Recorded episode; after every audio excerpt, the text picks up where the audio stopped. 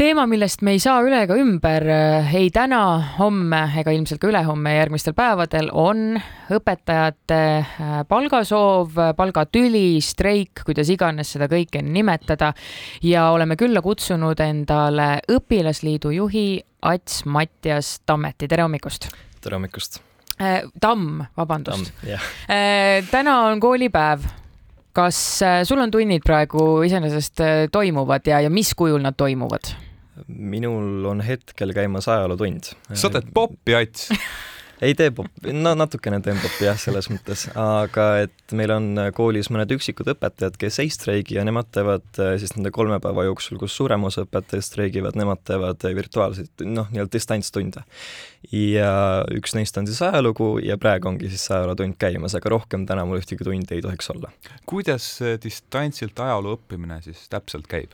Vot ma ei tea, ma pole tunnis praegu äh,, aga eks ta noh, nii palju kui koroona ajal vähemalt kogemust oli, siis äh, eks kohtume kõik äh, kas siis Microsoft Teamsis või mõnes muus programmis, kus äh, on võimalik veebikoosolekuid teha ja õpetaja äh, küsib meilt küsimusi ja räägib meile erinevatest teemadest, mis siis äh, peaks hetkel olema nii-öelda päris klassiruumis äh, teemadeks oleme ausad, äh, kui kvaliteetne see praegune õpe siis äh, on? Et no ma mäletan enda ajast, et olid ikkagi töölehed, äh, filmi vaatamised, äh, pigem selline noh, jah, mis seal ikka. või kuidas, kuidas see täna on nüüd streigi ajal? Jah, selles mõttes, et äh, keeruline öelda. Või noh, ma arvan, et siin on nüüd seda kaks, kaks erinevat nii-öelda varianti, et üks ongi see distantsõpe, kus õpetaja on ka koha, mitte siis koha peal, aga noh, ta on internetis koha peal. Ning äh, seal, ähm, kus õpetaja siis saab ka teemasid seletada ja kus on võimalik rohkem rääkida äh, ja õpilastel küsida, seal noh, koroonaaeg, see on väga sarnane sellega, mis oli koroonaaeg ja koroonaaeg statistika näitas, et peale koroonaaega ikkagi see akadeemilise edukus, akadeemiline edukus langes langes mingil määral mm. -hmm. küll aga nüüd need tunnid, kus õpetajad äh, tõesti streigivad ja õpetajaid ennast koha peal ei ole, seal ma kujutan ette, on palju-palju keerulisem äh, õpilastel õppida, sest et seal ei ole enam kedagi, kelle käest oleks võimalik äh, küsida järele asju Mm -hmm. sina, ma saan aru, õpid Gustav Adolfi gümnaasiumis? kahekümne esimeses. kahekümne esimeses, jaa. üheteistkümnes klass? jah sa oled omal nahal näinud ja tundnud koroonaaega, nüüd siis see õpetajate streik milline on sinu kogemus nende perioodidega, kui kui tulebki kodus ise rohkem vaeva näha, võib-olla ei saa sõpradega nii palju kokku, ei pea kooli minema, elad justkui teistsuguses rütmis kui võib-olla noh, tavalisel ajal. kuidas see mõjutab õpilaste vaimu ja sinu vaimu mõjutas? Jah, koroonaaeg, noh, eks praegu streigi osas ei oskagi väga midagi öelda, sest ega streik on kestnud ju kaks päeva. Või noh, kestab nüüd alles teist päeva, et äh, koroona osas võib nii palju öelda, et eks kindlasti teatud kurnatus või selline väsimus tekkis üheks hetkeks sellest, et äh, ei olnud seda võimalust äh, teiste õpilastega või teiste sõpradega kohtuda. Ja jah, justkui sots-, sots-, mitte siis sotsiaalselt ennast arendada, aga justkui sellist nii-öelda sotsiaalset väljundit leida. et, et ma ütleks, et seal selline teatud kurnatus nagu tekkis.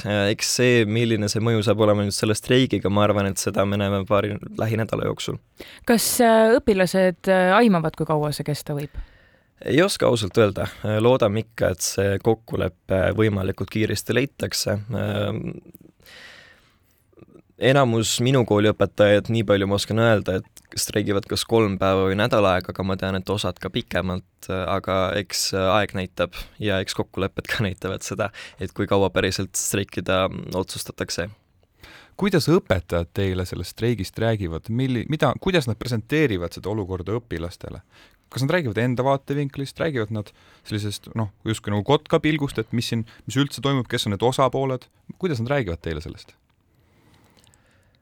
No vähe räägitakse, et äh, nagu uudistes on juba paar artiklit ka läbi käinud, siis tegelikult äh, ka selle streigi jooksul see kommunikatsioon on võrdlemisi kehv olnud äh,, just võib-olla õpilase poole pealt, et väga vähe on äh, infot selle kohta, et mis asi kus täpselt toimub ja kas mingisugune õpetaja streigib ja, ja kas ta ei streigi et et, et, et sel-, sellega on nagu tihtipeale probleeme, aga jah, just selle streigi osas ma tean, et väga paljud õpetajad ikkagi ähm, räägivad enda probleemidest äh, ka õpilastele ähm, mõnes mõttes ka nagu seletavad seda tausta lahti, et see on igatepidi positiivne ja väga paljud õpetajad ka justkui räägivad siis nii-öelda enda seisukohast kogu seda, kogu seda nii-öelda streigiga seonduvat kes on äh, nüüd alles kuulama hakanud, siis meil on külas äh, Ats-Mattias Tamm äh, kahekümne esimesest koolist ja õpilasliidu juht. mis roll on õpilasliidul siinkohal, et enne saadet just küsisin, et kas olid, olid sina eile streigil, ei olnud, ma saan aru, aga kui aktiivselt ähm, õpilasliit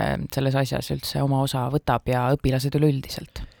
Jaa, no õpilased on üleüldiselt väga in-, väga investeeritud sellesse teemasse. Ähm, see ei olnud küll väga ilus eestikeelne väljend, aga aga selles mõttes, et äh, on küll, õpilased on väga selles teemas sees.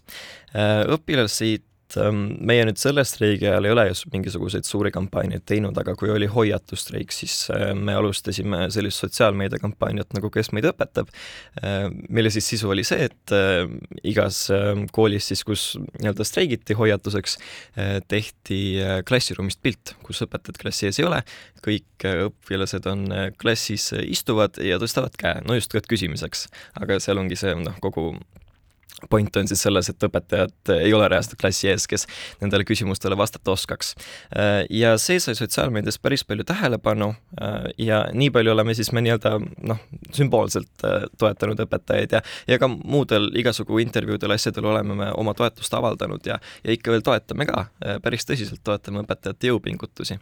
aga et seda ei ole, et, et äkki ei peaks ikkagi nii kaugele minema või sellist suhtumist, et kuulge, et võtame nüüd ennast kokku, lähme õppetööga edasi, ärge streikige, sellist asja pigem ei ole, ma saan aru niimoodi jah, me väljendanud otseselt ei ole siiamaani ja minu meelest on ka väga õige streikida paremate töötingimuste nimel. et äh, selles mõttes, et see on õpetajate enda otsustada, kas nad tahavad streikida või mitte, et seal ei saa meie midagi öelda selle kohta, kindlasti äh, ta eks ju segab õpilaste tööd, aga noh, see ongi mõnes mõttes, või õpilaste elu, õpilaste õppetööd, aga see ongi ju mõnes mõttes streigi mõte, et natukene katkestada seda ähm, nii-öelda igapäevarutiini.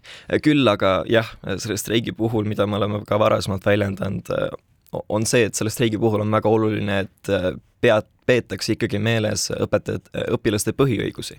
ja selleks on siis omandada haridust. et seda õigust ei saa rikkuda lihtsalt sellepärast, et, et streikida. sina, Ats, oled noor täiskasvanu, aga on sul õdesid-vendi, nooremaid? jaa, minul on vend, kes käib üheksandas klassis ja peab järgi, see aasta hakkama veel sisseastumisi tegema ühesõnaga, temal on võib-olla veel suurem mure kui sul tegelikult seoses sellega, et kas saavad nüüd õiged asjad ja kõik olulised asjad omandatud või mitte? jah, ma ütleks, et no minul on väga rahulik, eks ju, hetkel, sest et mul on uurimistöö tulemas, mina saan seda kirjutada selle nädala jooksul.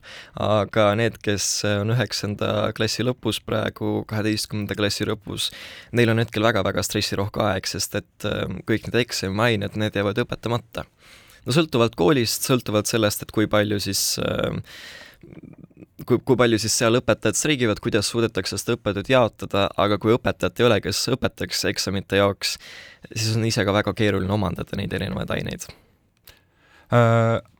Kuid need lapsevanemad, kelle lapsed on võib-olla algklassides, nendel on vist veel keerulisem see olukord jah, äh, seda küll. no minu enda kooli põhjalt ma võin öelda, et meil näiteks äh, on koolimaja avatud ähm, nii-öelda noorematele õpilastele ja, ja nende jaoks on ka siis äh, mingisugused tegevused koolimaja peal korraldatud. et, et täitsa selline võimalus on olemas, et oma laps kooli tuua kui palju süübivad õpilased sisuliselt sellesse poliitikasse ja sellesse konflikti, et ma peangi eeskätt silmas seda, et ähm, lihtsalt meenutades, kui mina olin üheteistkümnendas klassis, siis tõenäoliselt ega me sellist koalitsiooni tervisest omavahel äh, väga ei arutlenud, et kui sisuliselt saadakse aru, milles see asi on, selline, selline hinnanguline küsimus et kas on lihtsalt, et on õpetajate streik, tahetakse palka juurde või on ikkagi see, et, et jälgitakse poliitilisi uudiseid ka umbes noh, igapäevaselt, et kes mida ütleb ja, ja mille taga see kõik on? no ma arvan, et siin saabki minna tagasi intervjuu alguse juurde, et äh, kui te mainisite neid õpilasi Toompeal, et väga palju oli õpilasi Toompeal, ma korraks käisin ise ka läbi ja täitsa, täitsa suur osa oli äh, seal äh, õpilasi, kes tõesti toetasid seda streiki.